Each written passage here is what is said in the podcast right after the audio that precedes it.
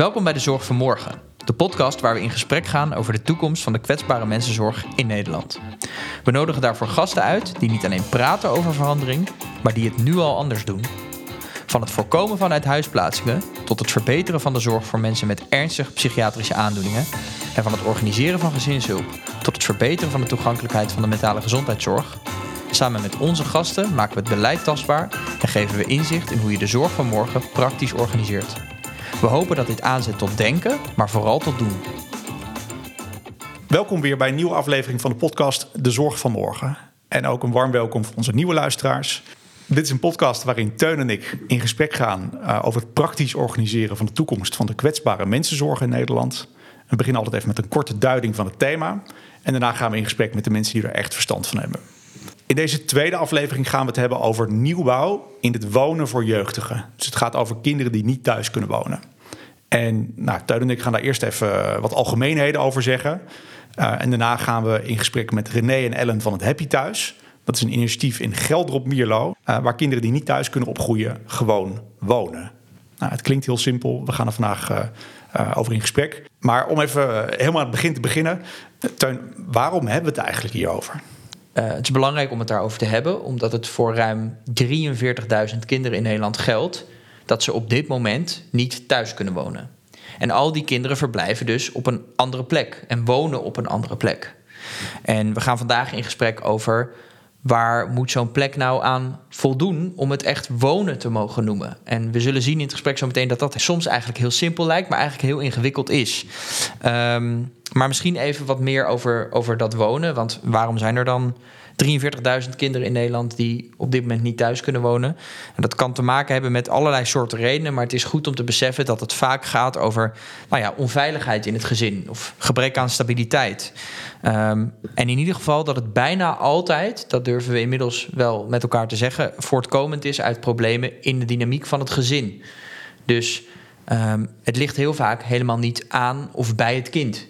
Het kan, zich wel, het kan wel leiden tot uitingen bij het kind. Hè? Dus uh, uh, ingewikkeld gedrag of onbegrepen gedrag. Maar heel vaak heeft het te maken met hoe een kind opgroeit. En voor die kinderen zeggen we...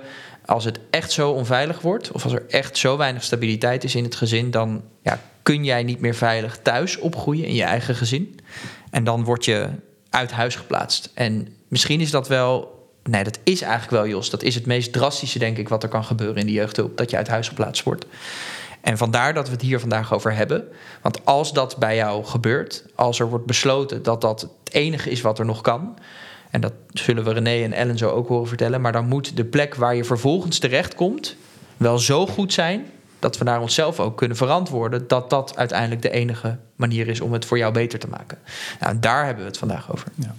Ja, en uh, we hebben te, in de voorbereiding op vandaag hebben we even een aantal beleidstukken opengeslagen van verschillende gemeenten.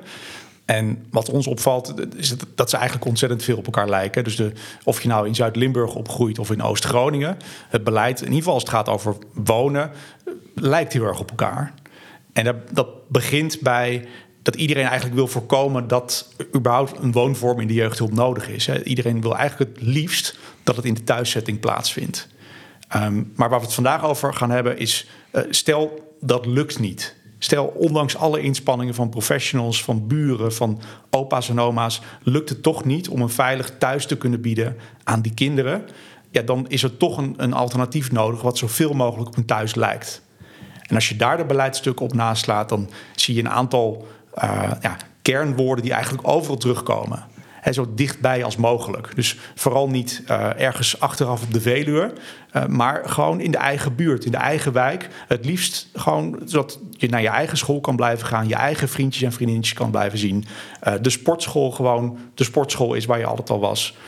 proberen te voorkomen dat er de sociale infrastructuur, dat daar discontinuïteit ontstaat. Dus dat is ontzettend belangrijk. Um, er wordt ook vaak zo thuis mogelijk uh, genoemd. Hè. Dus het, liefst zoveel mogelijk iets wat op een gezin lijkt, wat op een thuis lijkt, waar je een eigen kamer hebt. Um, huiselijk is ook heel belangrijk. En uh, ja, liefdevol en vooral ook niet te grootschalig en niet te ver weg. Dat komt eigenlijk overal wel in terug. En dat klinkt heel simpel, maar de praktijk laat eigenlijk zien dat het niet heel simpel is. Ja. De reden waarom dat nog belangrijker is voor kinderen die uit huis geplaatst worden, is Ehm, ook al is het vanaf meet af aan duidelijk dat het probleem hè, vaak in de dynamiek van het gezin zit, of uh, bij vader of bij moeder of bij allebei, en die onveiligheid die daaruit ontstaat. Het is onontkoombaar dat een kind dat uit huis geplaatst wordt, altijd een bepaald gevoel met zich meedraagt. Dit ligt aan mij, want ik ben uiteindelijk uit huis geplaatst. En zeker als je heel jong bent, eh, maar ook als je ouder bent, dan geeft dat gewoon een bepaald deuk in je zelfvertrouwen en ook in de veiligheid die je ervaart. Van moet ik misschien weer van die ene naar die andere plek? Ja, en um, oké, dus wij concludeerden in ieder geval. Als het niet thuis kan, dan is iedereen het best over eens over hoe dat wonen eruit zou moeten zien. Um, maar dat blijkt toch niet zo vanzelfsprekend te zijn. Want we hebben de afgelopen jaren veel gemeenten van binnen en van buiten mogen zien. Ook veel jeugdhulpaanbieders uh, gesproken. En wat een rode draad voor mij in ieder geval in al die gesprekken is... er is altijd een tekort. De, de, de klassieke situatie dat er een crisis in een gezin is... Uh, dat uh, de gecertificeerde instellingen voor de jeugdbescherming dus... of lokale teams beginnen te bellen. Dat is altijd vrijdagmiddag, want dan ontstaat de crisis vlak voor het weekend. En uh, het kan gewoon niet langer. Er is nu iets nodig, maar nergens is plek. En dan gaat iemand bellen en bellen en bellen. En het passende plekje is niet beschikbaar. Dus iemand is al lang opgelucht, of de professional is al lang opgelucht, als het kind daar weg kan.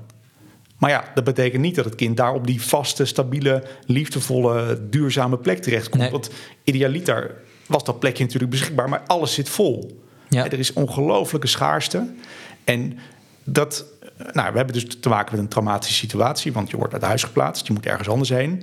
Dan is er vaak dus de passende plek is er niet. Of is ver weg. Hè. Dus dan ja, moet je dus naar een hele andere gemeente of een andere provincie, misschien zelfs de andere kant van het land. Ja. Ja, dat willen we met z'n allen niet.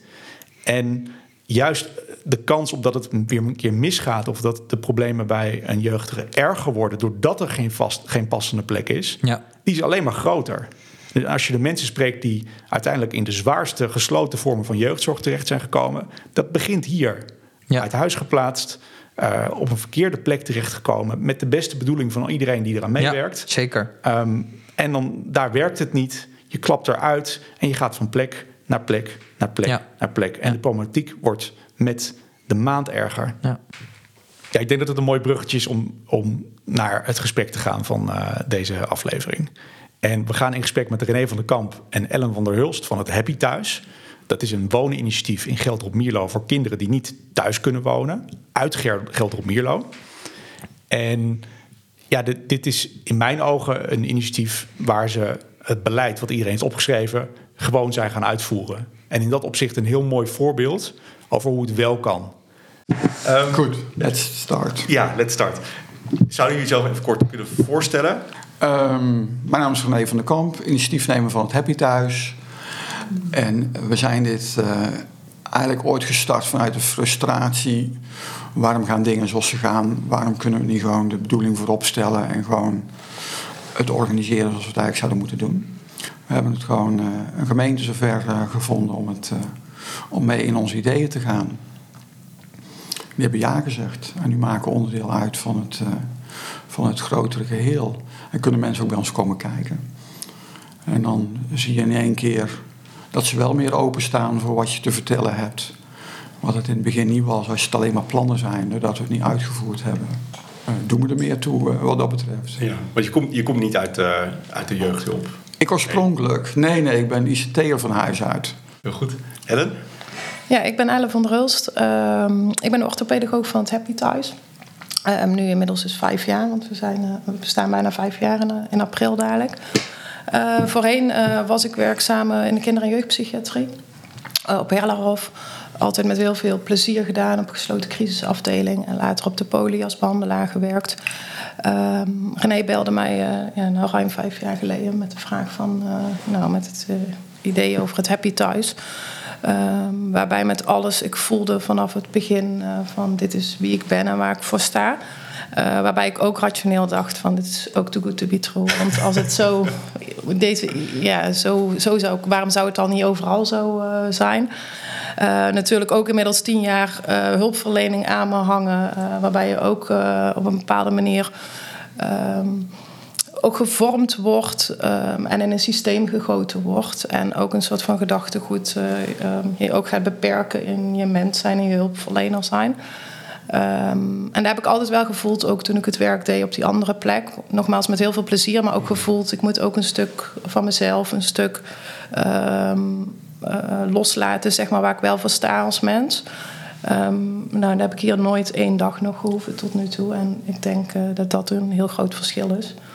Uh, twee dingen, waar, misschien ook voor de luisteraar. Want ik denk niet, niet dat iedereen uh, helemaal weet waar we hier nu zitten. Hè? Dus misschien goed om even uh, de luisteraar daarin mee te nemen. En, en twee, van wie, wie wonen hier dan? Ja. Um, en hoe kom je hier dan terecht als uh, jeugdige jongvolwassene? We zijn hier in het Happy Thuis in Gelder op Mierlo. En um, waarom staat het huis er hier? Omdat wij wilden laten zien dat jeugdzorg met verblijf ook op een andere manier ingericht kan worden. En niet de discussie van uh, nee, we moeten geen leefgroepen meer hebben, want we, alles moet naar gezinshuizen. Daar geloven we niet in. Het moet niet zijn een gezinshuis of een leefgroep. Die twee zaken zul je altijd naast elkaar nodig hebben. Voor het ene kind is het fijn om langdurig in een gezinshuis te kunnen uh, wonen en met die ouders, een, hè, die vervangende ouders, een hechtingsrelatie kunnen aangaan. En voor andere kinderen werkt dat helemaal niet, want die hebben eigen ouders en die willen niet met andere ouders een hechtingsrelatie aangaan. Dus daar hebben we woongroepen voor. Alleen hoe wij uh, met woongroepen omgaan, hoe die georganiseerd hebben. Ja, daar zijn natuurlijk uh, kamervragen genoeg over gesteld en artikelen over geschreven. Pff, zijn plekken waar je denkt van nou, dan laat ik mijn kind niet zomaar achter als mijn eigen kind zou zijn. Maar dat is het wel. Nou, dat moet ook anders kunnen. En dat hebben we geprobeerd uh, vorm te geven. Um, dat begint eigenlijk met het feit dat uh, 20, 25 jaar geleden was de jeugdzorg provinciaal georganiseerd. Hadden we hier in Brabant vier grote organisaties, voor elke uh, regio er één. En die kregen toen nog betaald per hoeveel bedden er stonden. Nou, er stonden acht bedden, maar in de praktijk waren er al maar zes beslapen. En de rest ging dan eigenlijk op van het geld aan de, aan de overheid, zoals dat genoemd werd. Dachten de provinciebestuurders van nou, dat willen we eigenlijk niet. We gaan het, uh, dat moeten we anders doen. Dus we gaan alleen maar betalen voor ieder bed wat beslapen is. Nou, dachten die zorgbestuurders, hoe gaan we dit oplossen? Ping, flexibele arbeidskrachten. Want als we dan wat minder bedden bezet hebben, dan kunnen we gewoon een beetje schakelen in de arbeidskrachten. En um, ja, dan zie je eigenlijk het volgende gebeuren. We hebben kinderen. Het was zo dat we kinderen, 18, 12 kinderen bij elkaar in een groep zetten. Daar stonden altijd uh, twee uh, begeleiders op. Um, een van die begeleiders was misschien wel een flexwerker uh, of een stagiair. nou, bij een flexwerker die er nieuw in komt, dan is voor die kinderen een onbekend gezicht. Nou, onbekende gezichten moeten toch even getest worden wie ze zijn en hoe ze zijn nou ja, kinderen met bijzonder gedrag, uh, ja, dan wordt het er vaak niet uh, direct gezelliger op. Met als gevolg dat degene die er wel vast op werkt een tandje harder gaat lopen. Die raakt weer in de burn-out, een fijn negatieve cyclus. Er komen veel meer conflicten, maar at the end is het kind te lastig, te ingewikkeld en gaat door naar een volgende plek. Die volgende plek werkt eigenlijk dezelfde soort mensen. Alleen de deur is net iets dikker en daarna kan die op slot. Dat weten we als kinderen 18 zijn hebben ze op acht plekken gewoond. Ja. Hebben we heel veel geld gekost, maar heeft niks geholpen. Dat moeten we dus niet doen. We weten ook dat als jij uh, acht uh, kinderen bij elkaar uh, zet die best ingewikkeld gedrag vertonen. Nou, hoe doe je dat met twee mensen? Gewoon een normaal gezin, vader, moeder, twee kinderen. Nou, en je moet alle ballen in de lucht houden, hebben we met corona kunnen zien. Ja. Dan is het best ingewikkeld hoezo denk je dan dat je op acht kinderen die heel veel trauma hebben meegemaakt, het gewoon met twee man even die opvoeding kunt klaren? Ja, ik, eh, zeker als ze nog niet vast op staan, dus met of een. Nou, daar geloven wij niet in. Dat gaat gewoon niet werken. En dat zie je dus in de, in de realiteit uh, gebeuren. Als ik je goed begrijp, René, er zijn financiële redenen geweest om, nou ja, om, om die bedden anders te gaan organiseren. er zijn andere mensen opgekomen. eigenlijk op een te, ja, te groot aantal bedden, te weinig mensen. met een doelgroep die kwetsbaar is en die juist extra aandacht nodig heeft, die vastigheid nodig heeft.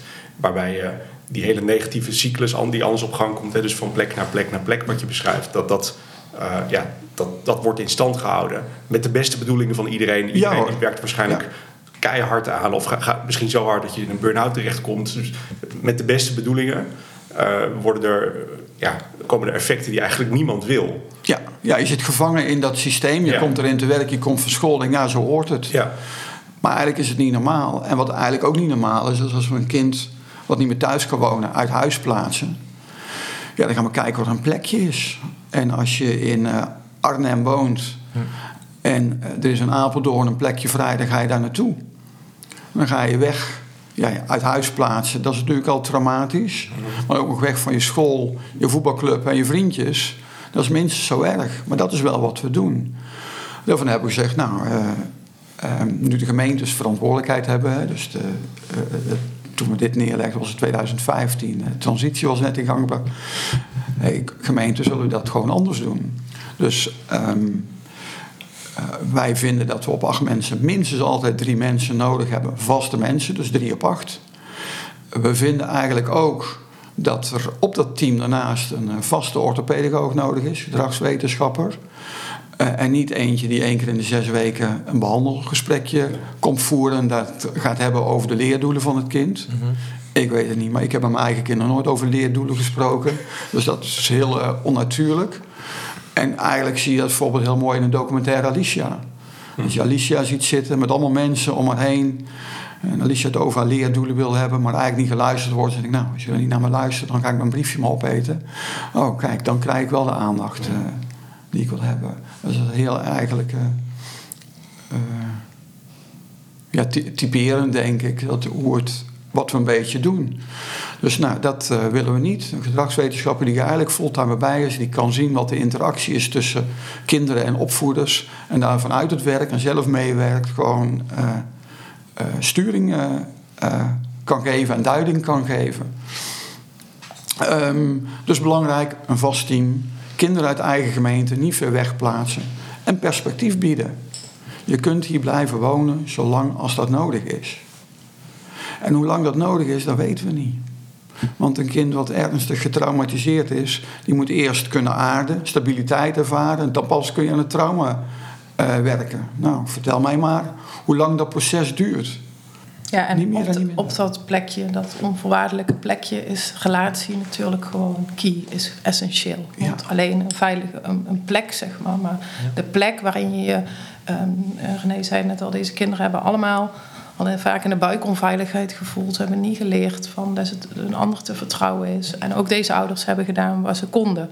Eh, maar niet kunnen bieden wat een kind wel verdient, zeg maar, die onvoorwaardelijkheid. Ehm, je mag er zijn zoals je bent en je bent oké. En die relatie, daar ga je eigenlijk hier proberen te corrigeren. Dus, maar daar heb je wel dus die, die, eh, die, die opvoeder voor nodig, die zelf goed gereguleerd is, die zelf goed afgestemd is, die ook elke keer als dat getoetst gaat worden, ehm, kan bieden dat, je, eh, ehm, dat die mag blijven, dat het kind oké is, dat zijn gedrag misschien niet oké is, hè, maar dat die, dat die oké is en dat die er mag zijn. Ehm, en op die manier kan je dus, en daar hebben we het over, dat is natuurlijk heel erg behandelen. Maar goed, wij noemen het hier geen behandelen, want de kinderen wonen hier gewoon. Mhm. Want op die manier kunnen kinderen weer leren vertrouwen in zichzelf en de anderen en de wereld te ontwikkelen. Ja, dus, dus de focus is ook veel meer dat dit je uitvalsbasis wordt. Dit is de plek waar je woont, waar je geborgenheid ervaart. En ondertussen, Ellen, wat je aangeeft eigenlijk is... ondertussen zijn we natuurlijk in gesprek met elkaar... en vormen we een relatie en gaan we dat aan. En dat is eigenlijk wat je traditioneel misschien ook nodig zou hebben... en wat je dan behandeling zou kunnen noemen. Maar eigenlijk zeggen jullie gewoon, je haalt hierin wat je hebt gemist. Je bent gewoon aan het opvoeden. Ja. Dit doe je met je eigen kind ook. Ja. En met je eigen kind ben je ook de hele dag aan het afstemmen. En denk van, goh, gaat hij lekker op school? Hij gaat niet zo lekker op school. Hoe komt dat dan? En dan heb je het met je partner over wat het dan is. En dan probeer je op te sturen. Ja, dat noemen we ook toch niet behandelen. Dat noemen we gewoon opvoeden. Nou, dat is wat we hier ook doen. Ja, en het grote verschil is natuurlijk dat we onze kinderen, eh, door, door, juist door wat ze hebben meegemaakt, dus het logisch dat ze ander gedrag laten Ja. zien. Dat is ingewikkeld gedrag laten zien. Want als je basis niet is aangelegd, hè, zo, dat, je niet, dat de ander niet veilig is, hè, dan ga je ander gedrag laten zien. En daar, daar zijn we dan in de jeugdzorg erg op gefocust, het probleemgedrag. Nou, daar kunnen we nog allemaal klassificaties voor bedenken. Hè, want de ene is wat meer internaliserend en de ander wat meer externaliserend. En daar hebben we allemaal mooie hokjes voor bedacht. Ja. Maar in feite vragen ze allemaal hetzelfde. Zie mij. Uh, geef me veiligheid, ben er. Um, en dat is waar we ons hier op focussen. En dat betekent niet dat al het gedrag hier oké is, want er zijn net zo goed als bij mij thuis zijn er grenzen. Mm -hmm. En kunnen dingen niet en accepteren we dingen niet, maar wel altijd vanuit het idee. Uh, uh, dat diegene met het gedrag iets van de ander vraagt, zeg maar. En dat het in relatie tot de ander is. En dat geen enkel kind wil dat de ander boos op hem wordt. Of dat hij vervolgens wordt weggestuurd of in de gesloten jeugdzorg wordt gepraat. Omdat wij geloven dat we daar kinderen niet mee helpen. En dat doen jullie hier voor acht kinderen uit Gelder Milo. En is dat dan in, in wat voor in alle leeftijdscategorieën? Is dat allemaal door elkaar? Wat moet ik ja. We hebben momenteel kinderen tussen de 6 en de 18. Ik moet zeggen dat het uh, vaak uh, de afgelopen jaren is gebleken is dat meestal de kinderen wel uh, in de puberteit zeg maar, hier komen. Dan zie je wel dat er een fase is dat vaak voor deze ouders wel heel ingewikkeld wordt, maar het kan ja. ook jonger. Eigenlijk zeggen we gewoon, uh, uh, ja, je bent een soort van groot gezin met elkaar. Dus uh, natuurlijk geeft de uitdagingen met zich mee, maar ook mooie dingen dat, dat de leeftijden waar die diverser zijn. En ook met de, de, gedachtegang van nee, maar je wil stabiliteit bieden. Dus ja, een kind wat start op de groep jonge jeugd en dan naar de groep oudere jeugd mm-hmm. moet, dan moet hij alweer een keer verhuizen. Ja. ja. dat wil je helemaal niet. Hier is waar je woont en vanuit hier gebeurt eigenlijk alles. Ja. Net als in het normale leven. Ja. Ja. We hebben hier dus ook een normaal huis in een normale wijk. Maar best een groot huis, maar wel een gezellig huis. Zeg maar. Dus het, is gewoon, het voelt echt als een groot, ja, gewoon een groot gezin. Ja. En in een groot gezin is altijd uh, ja, never a dull moment. Hè? ja. Is altijd wel, uh, wel uh, het is altijd reuring. Er komen uh, vriendjes over de vloer, er blijven kinderen logeren. Um, ouders die kunnen binnenlopen wanneer dat ze dat willen. Ja. Um, nou, dat voelden wij ook wel heel sterk toen we hier aankwamen. Het is natuurlijk nog vroeg toen we hier kwamen, dus de, de bedrijvigheid en zo, dat valt nog mee. Maar um, we moesten zoeken naar of dit nou het juiste pand was. Ja. Omdat het zo tegengesteld is met wat je gewend bent te gaan zien. Ja, ja als je normaal uh, ziet van uh, nee, we hebben, we hebben voorziening in de woonwijk geplaatst. Je rijdt door de woonwijk, dan zie je best vaak ja. dat is de voorziening. Ja. ja. ja. Een groot bord in de tuin. En dan nog, ja, nog een groot bord in de tuin. Ja, precies. Hè, van, uh, hier zit die en die organisatie. Ja. nee, hier wonen gewoon kinderen, dit is een huis. Ja. En dit is hun plek. Ja. En is het, is het voor, in principe voor alle jeugdigen die niet thuis kunnen wonen? Ja, nou kijk, eh, in principe zou je er voor iedereen moeten zijn. op het moment dat uh, iemand hier aangemeld wordt die bezwaren psychiatrisch is en psychotisch is en een heleboel meer. Ja, dan moet je die niet een woonplek aanbieden. Dan moet je die eerst behandeling aanbieden. Uh, en behandeling is iets anders dan wonen. Ja. En ik denk dat dat ook een belangrijk element is wat wij graag voor het voetlicht willen brengen. Wonen en behandelen zijn twee gescheiden uh, dingen. Wij zeggen altijd: hier woon je. Maar op het moment dat je traumatherapie nodig hebt, dan ga je gewoon, uh, zoals ik dat met mijn eigen kind ook zou doen, ja. dan gaan we naar een psycholoog, psychiater. En dan voer je een aantal gesprekken. En hopelijk lost het zich dan op. Ja, zo willen we het hier ook doen. Dus Alleen het gewone wonen en het gewone opvoeden is natuurlijk heel erg therapeutisch. Dat is niet gewoon. En, um, en die traumatherapie die slaagt ook omdat je hier dit doet, zeg maar. Hè? Maar mm. goed, dat is voor kinderen. Ja. Uh, ja, ja. Niet per se. Uh, ja. Uh, maar hier zit de systeemwereld natuurlijk ons wel in de weg. Want uh, jij weet ook, Jos, en je was er zelf bij. We hebben met een productdienstencatalogus opengesteld met allemaal categorieën. En dan hebben we de categorieën behandelen en categorie wonen. Mm -hmm. Ja, en daar hangen andere tarieven aan. En wij vallen dan onder de categorie wonen, omdat we zeggen wat we zeggen. Maar we zijn natuurlijk aan het behandelen. Maar we willen het woord behandelen niet noemen. Maar we moeten wel behandelen noemen, anders komen we... Want we hebben wel, uh, uh, we hebben wel dat tarief nodig. Ja, want we hebben hier een heel groot team staan. En dan nog even terug naar het team misschien. Ja. Uh, wat ook een van de aspecten is... is um, we willen dat er uit de relatie gewerkt wordt. En dat betekent dat er vaste gezichten nodig zijn. Dus alle mensen die hier werken, die zijn zorgvuldig geselecteerd en, uh, en getraind. Zeggen, jongen, als je hier wilt werken, je denkt van, ah, leuke ervaring, dan wil ik als een jaartje doen. Dan moet je hier niet komen willen werken. Want hebben die kinderen niks aan. Die hebben jou langer nodig dan dat jaartje. Dus wij vragen je echt van, doe dit met je hart. Maar dat betekent ook gewoon commitment. Maar er hoort ook iets tegenover te staan. Want als wij dan als Happy Thuis gaan zeggen van ja, Eh, nou, hartstikke fijn dat je hier wilt komen werken. Eh, maar we beginnen met elkaar met een jaarcontract. En na een jaar doen we het weer verlengen. Daar spreekt ook geen vertrouwen uit. Nee. Dus wij hebben hier mensen direct een contract voor onbepaalde tijd aangeboden. Om ook de commitment te geven. Hey, het is voor beide kanten serieus. Ik denk iedereen die jullie verhaal hierover hoort, die denkt: waarom hebben wij dit niet zo georganiseerd? En ik ben eigenlijk wel heel erg nieuwsgierig. Hoe hebben jullie dit nou voor elkaar gekregen? Ja. Uh, want het, het, is blijkbaar niet vanzelfsprekend. Dit, anders had iedereen het al gedaan. Ja, nou door het plan, uh, met, met, het plan naar de gemeente te gaan van goh luister, wat helpt? Het helpt dat we een vast team nodig hebben. En een vast team kost gewoon zoveel geld. Dat kun je uitrekenen. Je kunt de CO erbij pakken. Kost zoveel geld. Dan hebben we ook nog uh, woonruimte nodig. De kinderen moeten natuurlijk eten hebben. Ze moeten naar de sportclub kunnen gaan. We moeten een keer per jaar op vakantie kunnen gaan. Nou, gewoon alle dingen die je nodig hebt om leven te kunnen leiden. En dat samen kost dit gemeente. En dat, nou, dat is het plan. Doe je mee. En de, de gemeente, heb je dan, ben je naar een beleidsmedewerker gegaan... of naar een contractmanager of naar de wethouder? Of wat die, wie, probeer een gevoel te krijgen, hoe, hoe doe je dit nou? Nou ja, ja dan wie klop je aan? Dan hangen dingen ook aan toevalligheden aan elkaar. In de gemeente Gelder-Mierlo hebben wij Hotel Happy gebouwd. Dus een groepsaccommodatie voor kinderen die op vakantie kunnen... hebben in deze gemeente gebouwd. Ja. Uh, dan heb je een relatie met de gemeente. Het idee van het Happy Thuis... Ik goh, het Happy Thuis, acht kinderen uit de gemeente zelf... die niet meer thuis kunnen wonen. Mm -hmm. Ik denk dat ik naar de gemeente Eindhoven moet. Hoe kom ik bij de gemeente Eindhoven binnen? Ik heb daar nog geen contacten, geen idee. Maar bij de gemeente Gelder-Mierlo werkt Ans, Ans van der Velde. Ik wist dat ze ooit wethouder in Zomer geweest was. Ze werd directeur van het nieuwe wijkteam, zeg maar. Ik denk, ik ga eens met Ans praten. Van Ans, dit is het idee. Kun je me helpen dat in Eindhoven naar binnen te krijgen? En Ans zei van, nou nee, dat past eigenlijk helemaal op de visie die we in Gelder-Mierlo hebben. Dus um, dat willen wij graag in Gelder-Mierlo.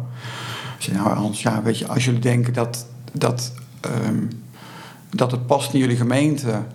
want we hebben wel acht kinderen nodig die niet thuis kunnen wonen. Dus ik denk dat ik wel een, een gemeente van enige omvang nodig Ja. heb. Nou, dat, nee, dat is geen probleem. Oké, nou ja, zo gezegd, zo gedaan. Dus vandaar dat we, als deze gemeente dat graag wil... hebben we de plannen bij de gemeente neergelegd... en aangegeven wat we willen en hoe we er tegenaan kijken. En de gemeente die weet ook van hoe het in de jeugdzorg ging. Zeg, nou, Mhm. weet je, we hebben er niks aan om er jarenlang geld in te blijven stoppen. Het kind van plek naar plek te laten verhuizen. Het 18 is. eh, dan heeft het ons als maatschappij en als gemeente veel geld gekost. Maar het blijft ons nog jaren veel geld kosten. Dus in deze visie geloven we dat we als we ze echt gaan helpen... Ja, dat dat op de lange termijn veel meer oplevert. En vanuit die visie hebben ze gezegd... nou, we gaan dit met elkaar doen. Ja. En daar moet je natuurlijk wel een beetje lef voor hebben. Om vanuit een visie iets te durven doen. Eh, nou, dat hebben ze gedaan. Ja, en het is wel ook, ja, we hebben ook wel gemerkt, want er zijn natuurlijk zoveel vraag. Iedereen die hier binnenkomt zegt, waarom is dit niet overal? eh, Mhm. eh, waar, hoe kan het, zeg maar, dat we dit niet gewoon in heel Nederland doen? Ja, dat blijft een ingewikkelde vraag, maar ook volgens mij heel veel eh, andere belangen. Ja, Ehm. maar als wij dan zeggen dat wij een soort van beschikbaarheidsfinanciering hebben. Gewoon een vast bedrag. Want dat was in de gemeente natuurlijk. Ik zeg van ja, weet je, de mensen die werken, als er een keer geen kind is, we hebben ze wel een vast contract aangeboden. Dus het bedrag, wat, je weet wat het gaat kosten. Dan kun je precies uitrekenen, dat kosten, dat moeten we ook hebben. Nou, als je dat snapt, dan ben je in één keer van de PQQ-berekening, zoals ze dat eh, noemen. Daar stap je vanaf, want het werkt niet. Dat weten we. En alle zorgaanbieders die worstelen hiermee. En iedereen verzucht dan naar ons toe van ja, als wij beschikbaarheidsfinanciering krijgen, zou het bij ons ook wel anders worden. Ja, dat denk ik ook. Moeten ze nog wel aan die stabiliteit willen bieden? Moeten ze nog wel genoeg personeel opzetten?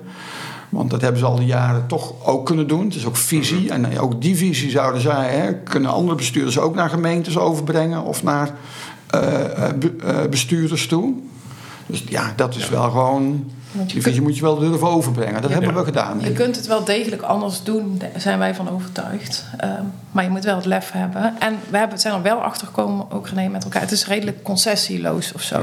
Je moet het doen en je kunt niet zeggen: ik doe een beetje minder van daar. Of ik zet er af en toe toch een flexwerker op. Nee, weet je, want nee. het hangt zo nauw met elkaar samen. Bij deze kinderen komt het zo nauw. We zeggen wel eens: als je kijkt naar je eigen kinderen, is good enough.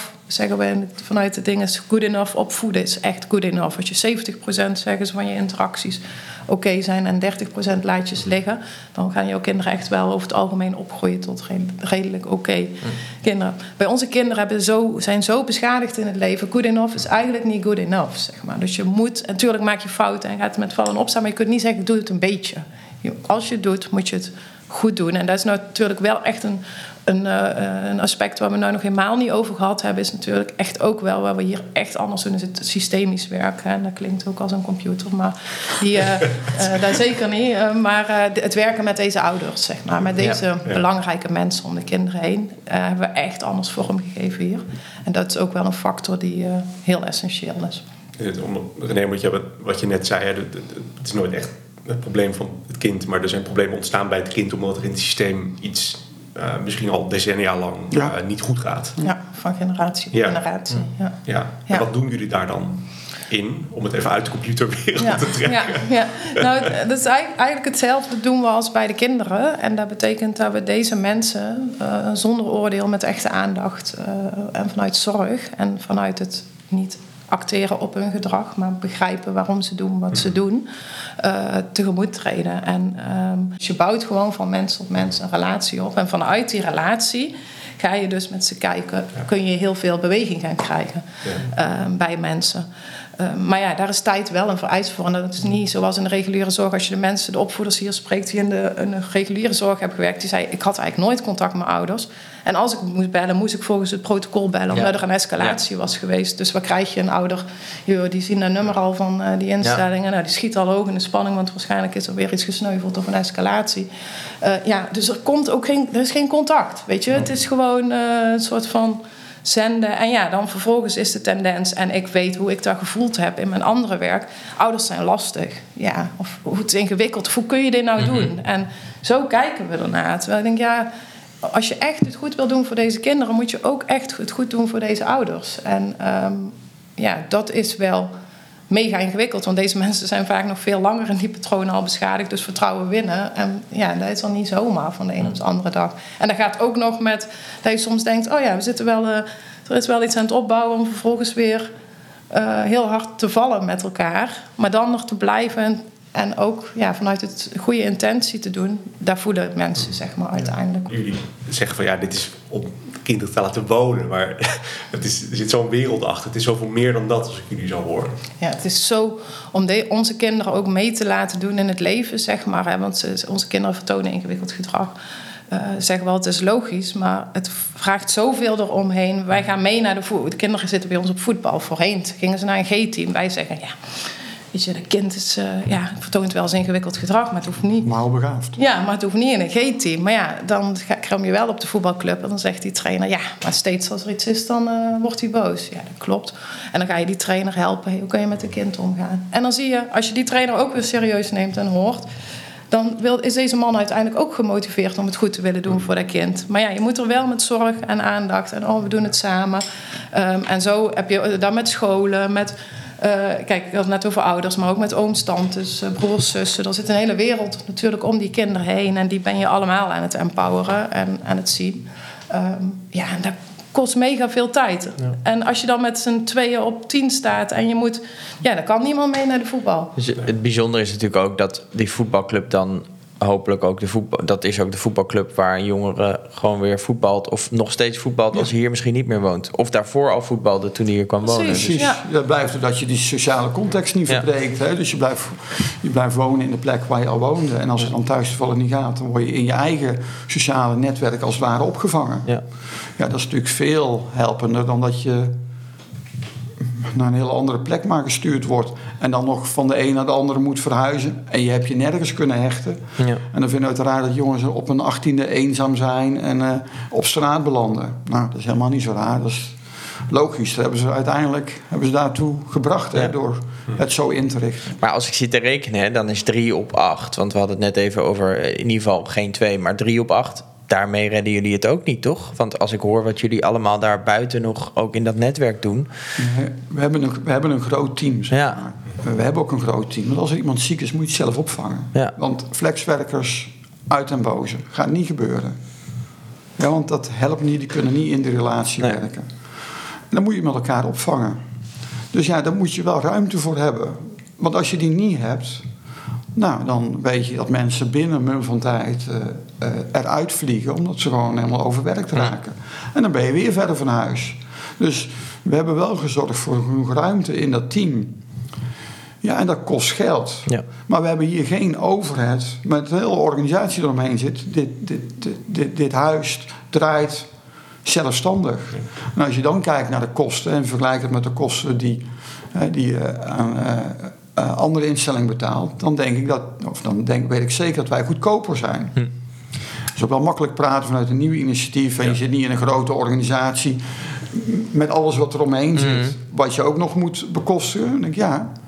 Maar moet je dan niet maar naar een jeugdzorg 2.0 toe? Van ga het op deze manier gewoon inrichten. Hm. Want wat wij kunnen, dat kunnen anderen toch ook. Ja, want misschien is het goed om daar nog even op in te zoomen. Ik ben wel nieuwsgierig, want je hebt me een keer verteld... nee, jullie hebben een andere relatie ook met vastgoed. Hè? Want vaak uh, als je een, een gezinshuis of uh, zo'n woongroep uh, een kind hebt zitten... dan betaal je als gemeente... er zit daar vaak een vastgoedcomponent in het tarief. Ja. Want, hoe, hoe zit dat bij jullie? Ja, nou hier heeft de gemeente... Um, we zijn met elkaar een project, aan, een, een project aangegaan. De gemeente, jeugdzorggeld is voor jullie... Maar wij zetten het vastgoed neer. Dus, uh, en wij, het, uh, het Happy Thuis, een initiatief van het Vergeten Kind. Het Vergeten Kind heeft voor gezorgd dat het huis er hier staat. Dus die kosten die heeft de gemeente eigenlijk niet. -hmm. Dus hebben zij een voordeeltje mee. Ja. Maar als ik die kosten wel zou verdisconteren, dan nog steeds uh, kunnen wij een vergelijkbare, hebben we een vergelijkbaar tarief. Alleen ik denk meer kwaliteit voor dezelfde prijs. Dat moet het streven zijn. Het hoeft niet per se goedkoper te zijn, maar meer kwaliteit voor dezelfde prijs. Ja. Um, hier heeft de gemeente voordeel omdat we samen dit project zijn gestart. Omdat we samen hebben willen laten zien van... hé, hey, maar het kan ook anders, maar dan moet je wel het geloof in hebben. Deze gemeente heeft het geloof. Maar ja, als je toch... Er zijn weinig gemeentes die dit durven doen. Die beschikbaarheidsfinanciering eigenlijk durven geven. Ik vind het toch wel ingewikkeld van ja... Geven we dan niet te veel geld? Krijgen we dan wel waar voor ons geld? Er zit allemaal weer risico te mijden. We hebben dan sturing op en uh, kunnen we aan de knoppen draaien. Ja. En, uh, ja. Nee, het team is vast. Ja. ja, als je een keer leegstand hebt, laten we blij zijn. Dus we moeten naar een ander model toe. Van wij als maatschappij, als, als, als het niet lukt om kinderen thuis te laten wonen... en wij vinden daar ook iets van, hè, want als er een maatregel is... dan wordt het kind het huis geplaatst... Dan moeten wij die kinderen waarvan ons maatschappij bedacht hebben dat die niet meer thuis bij hun ouders kunnen wonen, moeten wij opvangen op een hele goede plek waar we die vervanging kunnen bieden. Ja, het is toch wrang om te moeten concluderen. Die kinderen waarvan wij denken dat het thuis niet meer kan, die vangen op plekken op waar ze meer trauma's oplopen dan als we ze gewoon thuis hadden kunnen laten wonen. Ja, dat is natuurlijk wel heel erg wrang. Daar moeten we mee stoppen. We moeten zeggen, als we dat doen, gaan we het voor die kinderen verschrikkelijk goed regelen. En wat is daarvoor nodig? Nou, er is een setting als het Happy Thuis voor nodig. Dan kun je precies uitrekenen wat het kost. Je weet ook wat het per kind kost. En dan hoeven we onszelf maar één vraag te stellen. Hoeveel van dit soort woonplekken hebben we nodig in het land, in een regio, in een gemeente? Want dan weet je precies hoeveel budget daarvoor is. Als je die vraag stelt, dan zal niemand je daar het antwoord op weten te geven. Want dat tellen we niet. We tellen wel hoeveel kinderen er zijn geweest. Maar ja, als een kind vier keer terugkomt in een jaar, is die al vier keer geteld. Mm -hmm. Dus zeg het maar hoeveel bedden er nodig zijn. Ja, ik heb wel eens geprobeerd een inschatting te maken voor de ervaring vanuit deze gemeente. Dan denk ik, nou, bij uh, 400 happy huizen in het hele land uh, met nog een aantal gezinshuizen erbij kunnen een heel eind zijn. Wat zou dat dan kosten? Hè? Allemaal van dit soort zelfvoorzienende gebouwen. Nou, dan ben je voor 800 miljoen ben je echt klaar. 800 miljoen op een budget van uh, 5,5 miljard. En dan heb je de meest kwetsbare groep te pakken. Ik weet niet, die cijfers heb ik niet paraat. Jullie misschien wel. Ik nodig je uit om het uit te rekenen. Wat zou totale jeugdzorg met verblijf kosten? Nu, waar kinderen eigenlijk wonen. Ze wonen in de gesloten jeugdzorg. Ze wonen in de open groepen.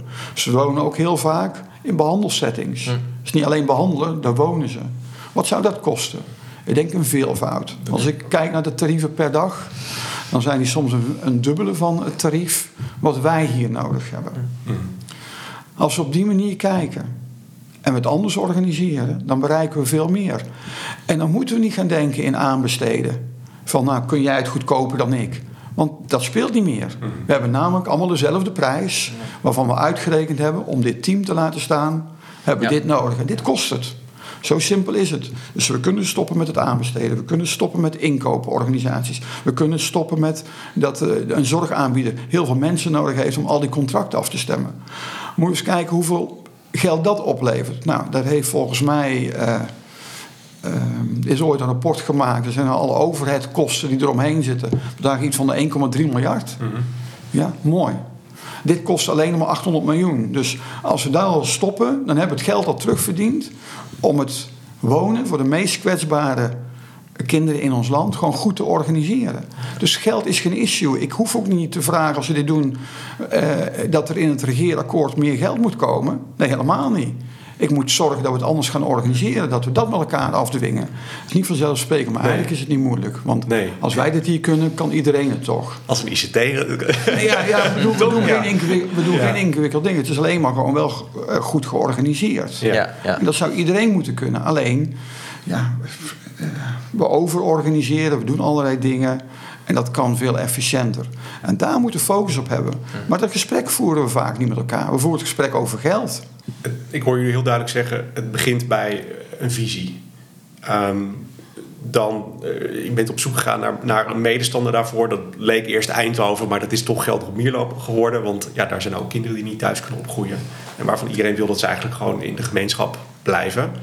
Eh, een eh, wijkteammanager die eh, dacht: hé, hey, dat, is, dat is precies wat we zoeken. Die, die ging aan op die visie. En die heeft de gemeente meegekregen in dit verhaal. Waardoor jullie eigenlijk omstandigheden hebben gecreëerd waardoor dit kan, waardoor de kwaliteit geboden kan worden. en waarin je geen enkele concessie hebt gedaan op die visie en die kwaliteit die je heel hoog in het vaandel hebt staan. Ja. Dus dat, en dat kan in Gelder op Mierlo. Ja, en dat is, het, mooie is, het mooie is dat eigenlijk de voltallige gemeenteraad destijds gezegd heeft van nee, wij willen dit. En niet of je groen, rood, paars, links, rechts, midden, hoog, laag, weet ik veel hoe we het allemaal kunnen noemen, zeg maar. Eh, want als het belang van kinderen voorop staat, dan zijn er, tellen eigenlijk politieke voorkeuren eigenlijk helemaal niet meer. Want we willen eigenlijk gewoon maar één ding. Gewoon dat het goed geregeld is voor onze kinderen. En het punt is dat het gewoon vaak niet zo goed geregeld is. Het is niet zo goed georganiseerd. Het is niet goed geregeld omdat de mensen niet willen. Nee, iedereen zit er met de beste bedoelingen. Het is vaak gewoon omdat we het systeem zo ingericht hebben... dat we door de bomen het bos niet meer zien. Ja. En hè, dat is natuurlijk ook de strijd die we voeren om dat met elkaar te veranderen. We laten hier zien dat het anders kan. Eh, hopen dat het eh, op het navolging eh, gaat bieden. Wij zijn nu bezig om het, het Happy Thuis een soort social franchise model te gieten. Niet omdat wij het zelf wel willen uitvoeren. Te laten zien, hé hey jongens, we kunnen alle kennis en visie die er is, die dragen we heel graag eh, over. Eh, doe ermee, pas het toe in je eigen organisatie. Eh, we willen jullie meenemen in de visie. We kunnen je daarop trainen. We kunnen intervisie komen aanbieden. Om het maar zo snel mogelijk te kunnen verspreiden. Zeg Ja. maar.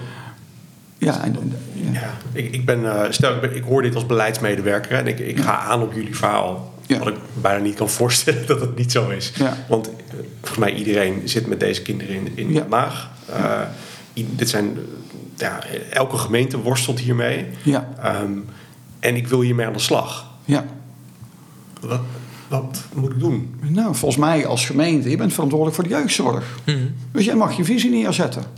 Zet deze visie neer en zorg dat jij in jouw omgeving een aanbieder zoekt die volgens deze visie wil werken.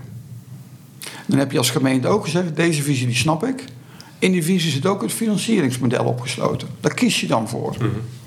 Nou, dan denk ik dat je daar goed genoeg aanbieders voor kunt bieden. Maar dan moeten met die aanbieders niet terechtkomen in een aanbesteding. Dan moet je zoeken naar de, naar de aanbieder die kwalitatief dit het beste zal kunnen doen. En die geef je gewoon het contract voor de komende 20 jaar. Maar we zijn met elkaar beland in een systeem en we zijn maar gaan door blijven bouwen op dat systeem. En dan kom ik toch weer even terug naar mijn vak eh, eh, als ICT'er. Je bent ooit begonnen met een softwarepakketje en je bent het maar steeds uit gaan bouwen. Er kwamen elke nieuwe vragen en op een gegeven moment is het één grote brei. En dan kun je maar beter gewoon het weggooien en opnieuw beginnen.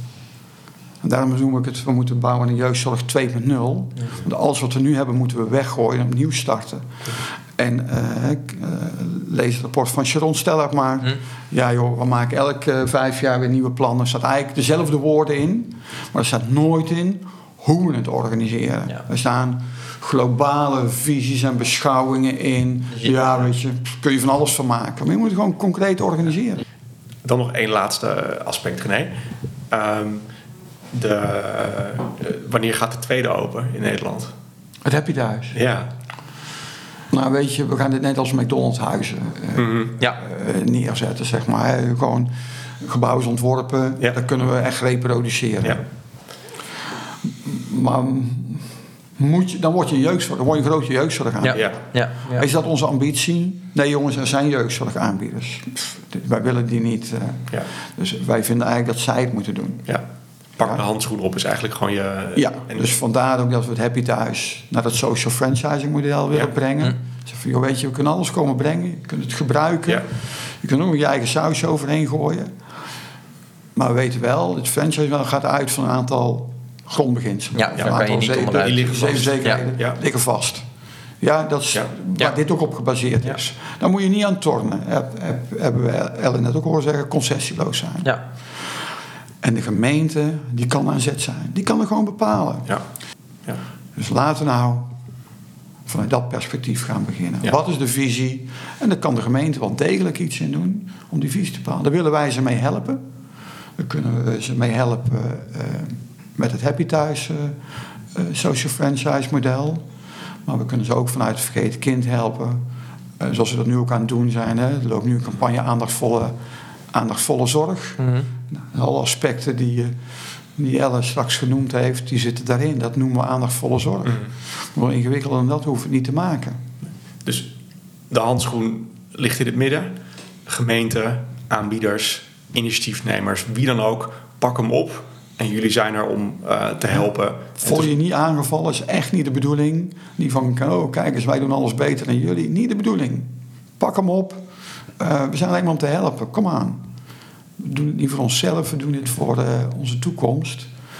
Eh, dat we hopelijk, en misschien is het wel een utopie, maar vooruit, too good to be true. We moeten die intergenerationele overdracht ook met elkaar zien te doorbreken. En alle kinderen die wij nu een trauma bezorgen in de jeugdzorg, zijn er heel veel. Nou, dan weten we zeker dat, dat, dat die niet geholpen zijn. Het zijn we eigenlijk als maatschappij ook aan onszelf verplicht. zijn we gewoon verplicht. Ja, dat is gewoon onze taak. Dus ik weet niet waar we over praten met elkaar. Maar dat moeten we gewoon doen. We moeten het gaan doen. We gaan het daarbij laten. aan de slag.